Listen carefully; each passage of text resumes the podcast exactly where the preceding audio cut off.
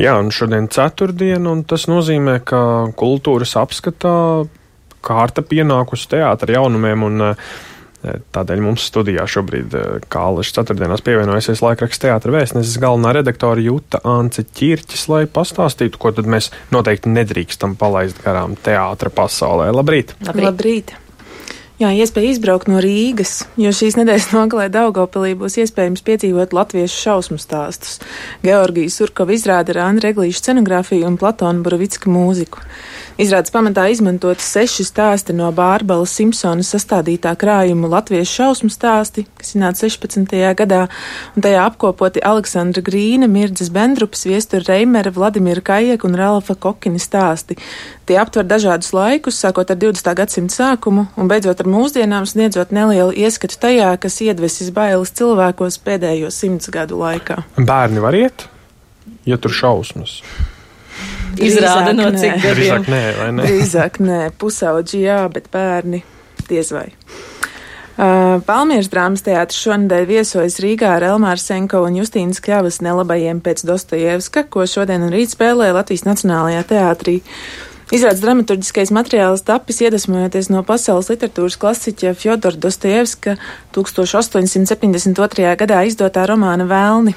Izrādu veido Edgara Mākina mūzika, Oskara Pauliņa gaismas, Lindas mīļās kustības un Ilzas Vītoliņas kostīmi un Valmieras jaunākās paaudzes aktieri kopā ar Elīnu Vāni. Eh, un šķiet, ka pēdējā laikā nelabie ir izrādi, par kuras nozīmīgumu un augsto kvalitāti ir viensprāts teju visi teātra kritiķi, kas tomēr nav pārāk bieži parādība mūsu teātra pasaulē. Tas tad varētu būt viens no šīs sezonas tādiem spožākajiem spīdekļiem. Līdz šim tā izklausās, jā. Nu, tad ir vērts eh, redzēt, kamēr vēl eh, nav pilnīgi izķertas biļetes, vai, vai jau ir izķertas. Uz Nacionālā teātra viesizrādēm ir. Nu, skaidrs. jā. O, savukārt Dailas teātris pagājušā nedēļā piedzīvoja ilgi gaidīt notikumu uz lielās skatuves pēc 48 gadiem atgriezies Ibsena Brants. Dailas teātra lielā zāle ir lielākā teātra spēles telpa Latvijā, tāpēc vēriens tai nav svešs. Tomēr visa cita starpā, kā vislielāko sasniegumu un panākumu gribas izcelt tieši Ievas Segliņas aktierspēli titulu lomā, Branda lomā. Viestur Kairiša režijā un Ievas Jurjānas scenogrāfijā uz skatuves no sākuma līdz pat pašām beigām redzams arī Jēzus, kā diezgan burtiska dieva acs.